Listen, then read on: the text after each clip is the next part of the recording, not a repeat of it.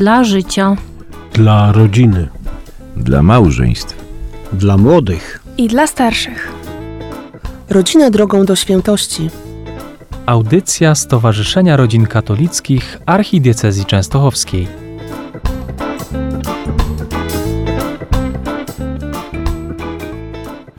Witam serdecznie naszych radiosłuchaczy na kolejnej audycji Stowarzyszenia Rodzin Katolickich Archidiecezji Częstochowskiej. A witają się z Państwem, z naszymi radiosłuchaczami Ewa Bodanka-Zarychta, parafia Witkowice-Nieznanica. Andrzej Borkowski, również parafia Witkowice-Nieznanica. i Krzysztof Wójcik z parafii Świętego Marcina w Kłomnicach. Dzisiaj chcielibyśmy nawiązać do jednej z ostatnich audycji poświęconej Różańcowi.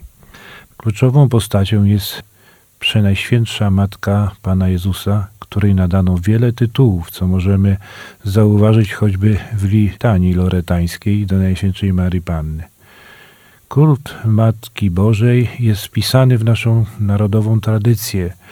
Wręcz y, zarzuca się czasami Kościołowi polskiemu, że no, jest ten kult bardzo rozbudowany i może dla niektórych nadmierny, co wydaje się takim kuriozalnym troszeczkę zarzutem. Ale mimo wszystko kult Matki Bożej jest bardzo rozpowszechniony nie tylko w Polsce, bo również w krajach Ameryki Południowej, w Meksyku, jak również w krajach e, prawosławnych. Kult ten przenika nasze życie, zarówno publiczne, jak i osobiste oraz rodzinne, no i lokalne społeczności.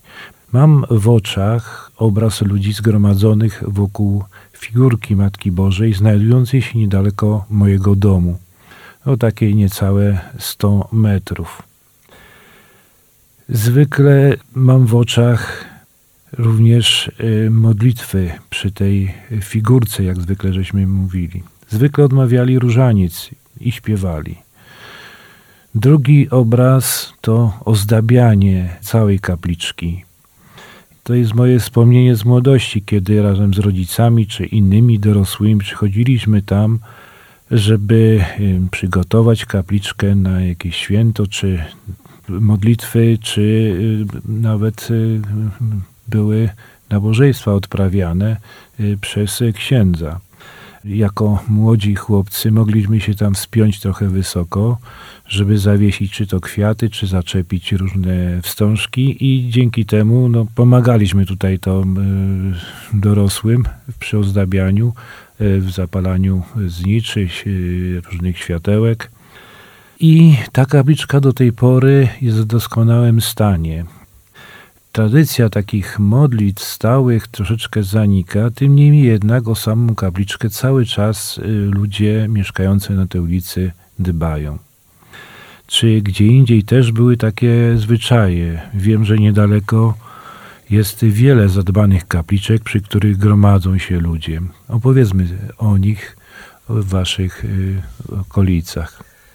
Ja może jeszcze tak wspomnę, że kapliczki i krzyże przydrożne e, są nieodłącznym jakby elementem krajobrazu polskiej wsi. Są znakiem przynależności religijnej, miejscem spotkań wiernych, ale często też przypominają o ważnych wydarzeniach historycznych czy czasami ludzkich tragediach.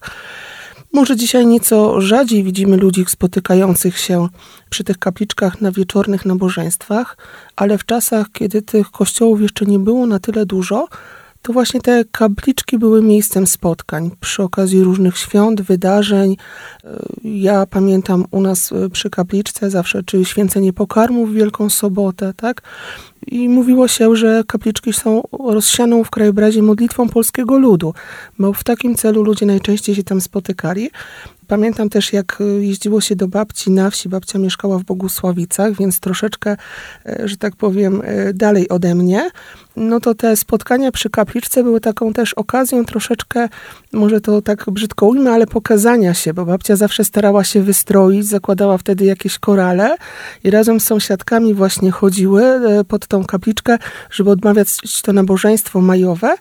No i tak naprawdę ta modlitwa i śpiew przy tej kapliczce były też takim dziękczynieniem i takim odpoczynkiem troszeczkę po całym dniu trudnych prac w polu, tak? I trochę spotkaniem towarzyskim. I spotkaniem towarzyskim również, no tak jak mówię, okazją do pokazania się trochę sąsiadce, że ja mam, e, uszyłam sobie taki albo inny strój, bo też te panie no, miały okazję gdzieś wyjść, pokazać się inaczej niż tym w fartuchu kuchennym, w którym urzędowały cały dzień. Więc tak dosyć miło wspominam te wakacje y, czy inne dni spędzone u babci, bo pamiętam, że tam w sposób szczególny to jakoś było widoczne. Tak, a mhm. Andrzej może też wspomnieć. No jak y, wiedzieliśmy, że będziemy rozmawiać o tym temacie, o, o, właśnie tej pobożności polskiej, o tych kapliczkach, krzyżach, no to też tak sobie zaczynam analizować, nawet spisywać na kartkę, ile to w tej naszej małej wiosce Chorzenice, ile tych kaplic, kapliczek, krzyży jest, to, to rzeczywiście jak na taką miejscowość 350 osób, no to 6-5 takich miejsc, w których mm, są te kapliczki, krzyże i wszystkie są e, no, odnawiane, odświeżane, w dobrym stanie. No jedna to kaplica, no bo e, kaplica świętego Stanisława, no to już jest e, kaplica, ale też ma swoje szczególne miejsce.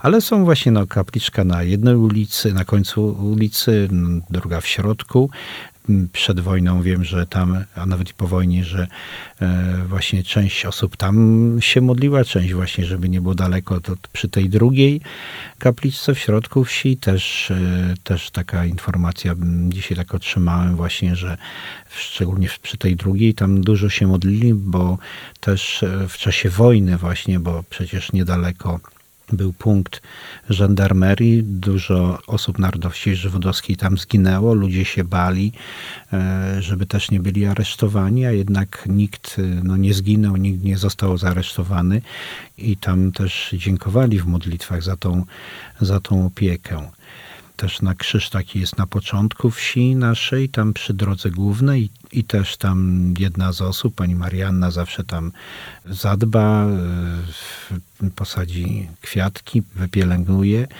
No powiem, że to tak, e, no takie budujące i widać, że ludzie e, żyją tą tą pobożnością maryjną, bo jedna i druga to też jest, te dwie kapliczki są z figurkami właśnie Matki Bożej Niepokalanie Poczętej. Także w tym temacie, no to, no to rzeczywiście tak jest, jak mówisz, ta, ta pobożność jest w nas.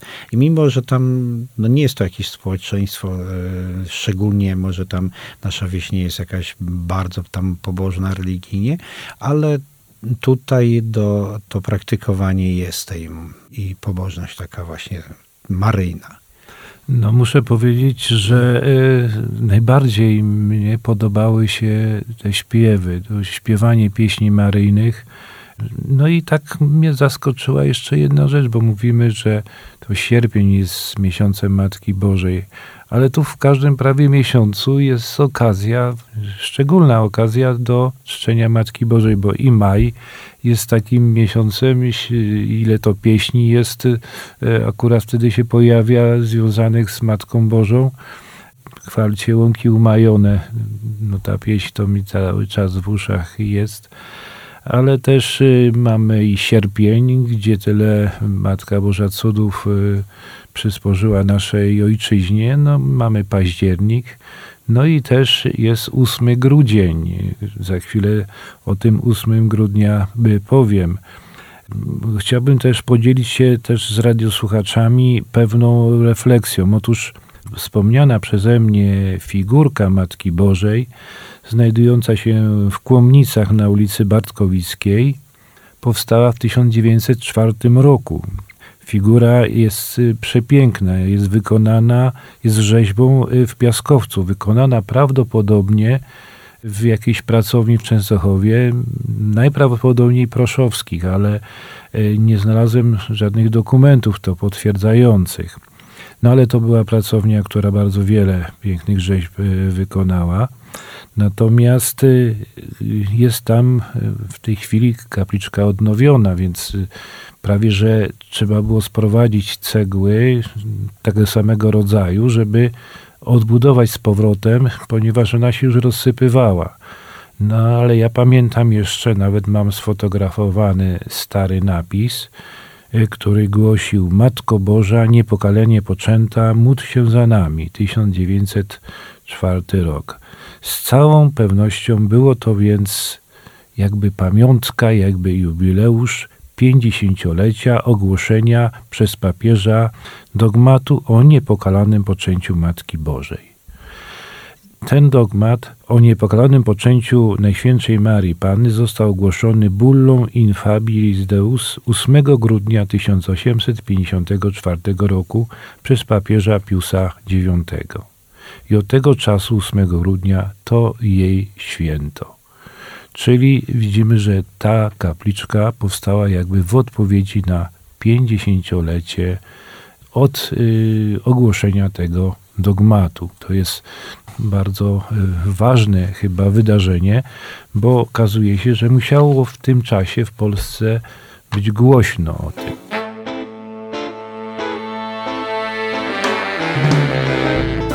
Rodzina drogą do świętości. Audycja Stowarzyszenia Rodzin Katolickich Archidiecezji Częstochowskiej.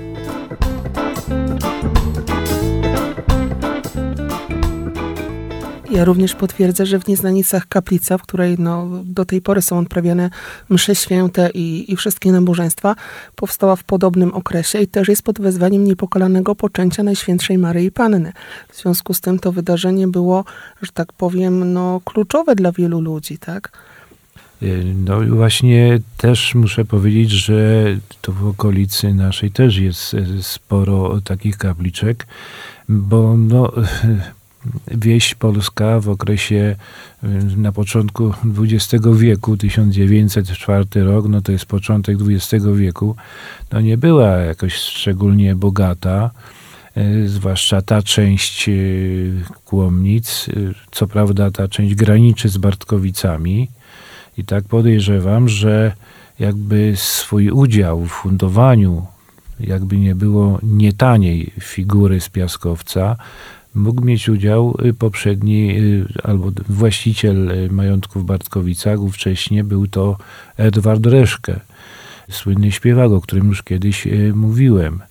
I podobną również z tej samej okazji ufundował kaplicę w Garnku, tam gdzie był jego dwór, jego pałacyk, gdzie mieszkał.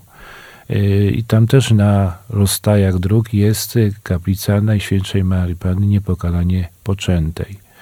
Co ciekawe, drugi z braci Reszków, Jan Reszkę, mieszkający w Skrzydlowie, mający tam swoją rezydencję, też wystawił taką kapliczkę, która stoi na skrzyżowaniu, poświęcona właśnie Matce Bożej Niepokalanie Poczętej.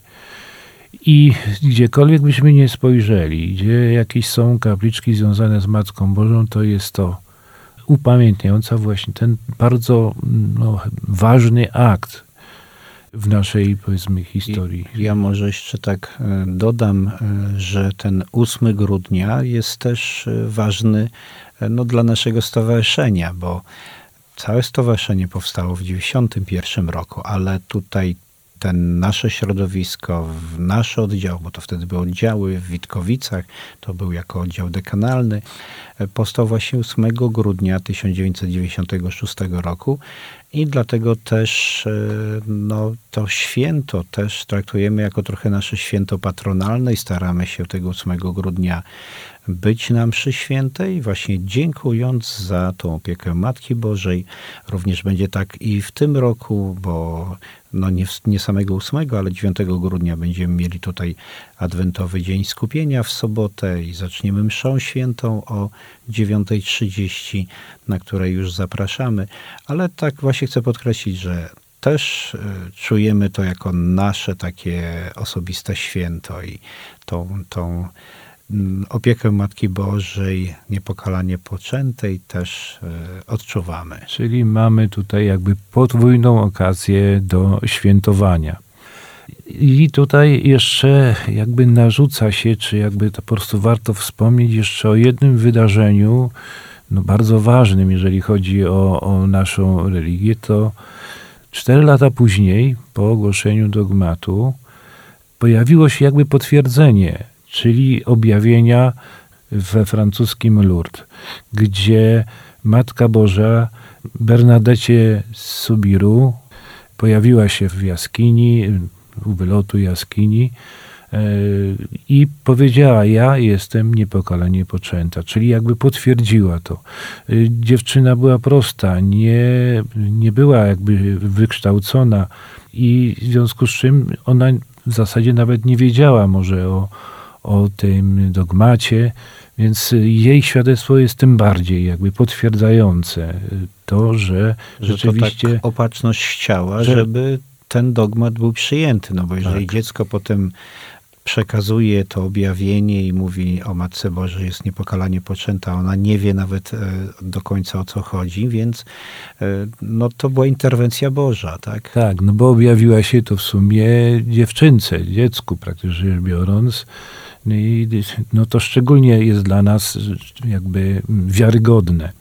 No wracając jeszcze do samego dogmatu, to przecież y, czas jego ogłoszenia to też przypadł na czas trochę niespokojny, bo już 1848 rok to jest wiosna ludów, którą my tak nazywamy w historii. Ale to jest nie tylko to, że tu y, w Polsce, na Węgrzech były walki, ale pojawiały się te ruchy narodowo-wyzwoleńcze, między innymi y, we Włoszech, które były podzielone w różne, różne mniejsze jakby państewka, a duża część była pod władzą Austrii. E, Też e, zażądano od papieża, żeby się jakby opowiedział politycznie po którejś ze stron. No, papież unikając zaangażowania w bieżącą politykę, no, musiał w którymś momencie nawet uciekać z Rzymu. Także jakby takim e, ważnym też czynnikiem e, przy ogłoszeniu tego dogmatu było to, że e, rozesłał pisma, listy do bardzo wielu, ponad około 600 kardynałów i biskupów i otrzymał niewiele mniej odpowiedzi. I wszyscy, niemal wszyscy wyrażali się z ogromnym entuzjazmem ponieważ y, no to wszędzie jakby ten kult jakby oddolnie y, się rozwijał. Y, To lud Boży właściwie tak uznał, że Matka Boża jest szczególnie tutaj ważna i rzeczywiście no, musi być w szczególnych łaskach u Pana Boga. Do tej pory zresztą odmawiamy modlitwę właśnie tą różańcową, zaczynającą się przecież od tego pozdrowienia anielskiego i i to jakby nam tutaj jest tą wskazówką.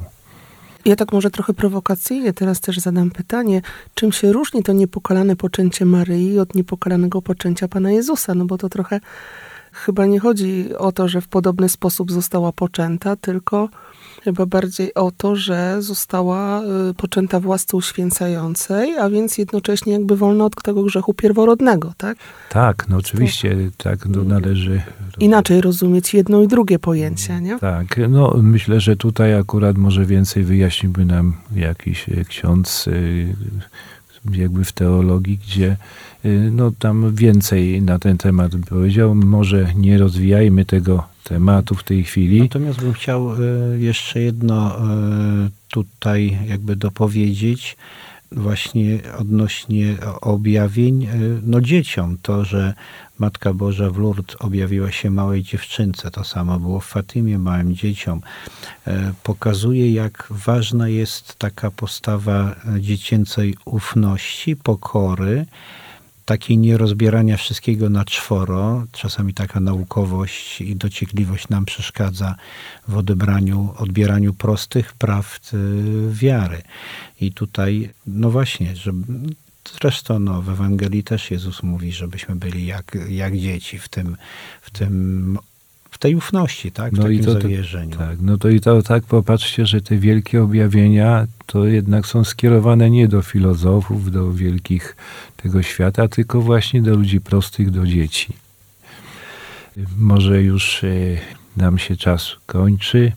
Za tydzień spotkamy się na kolejnej audycji, gdzie będziemy rozmawiali na temat modlitwy takiej równowagi między modlitwą i działaniem, bo to jest też temat, który często poruszamy i czasami y, możemy zabrnąć w taki czysty aktywizm, który nie pochodzi od y, Boga.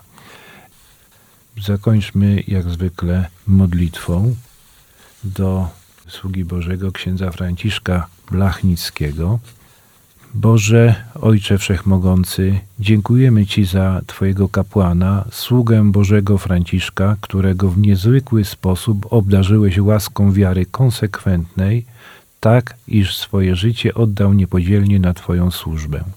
Dziękujemy Ci za to, że pozwoliłeś mu gorąco miłować Twój Kościół i zrozumieć, że najgłębszą zasadą jego żywotności i płodności jest oblubieńcze oddanie siebie w miłości Twojemu Synowi, na wzór niepokalanej Matki Kościoła. Dziękujemy Ci również za to, że przez tego kapłana wzbudziłeś na polskiej ziemi ruch światło życie, który pragnie wychowywać swoich uczestników do posiadania siebie w dawaniu siebie i w ten sposób przyczyniać się do wzrostu żywych wspólnot Kościoła. Bądź uwielbiony Boże w słudze Bożym, księdzu Franciszku w jego życiu i dziele i racz wsławiać swoje imię, udzielając nam za jego wstawiennictwem łask, o którą najpokorniej prosimy. Szczęść Szczęść Boże. Boże. Szczęść Boże.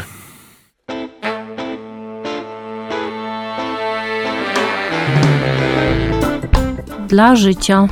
Dla rodziny. Dla małżeństw. Dla młodych. I dla starszych. Rodzina drogą do świętości. Audycja Stowarzyszenia Rodzin Katolickich Archidiecezji Częstochowskiej.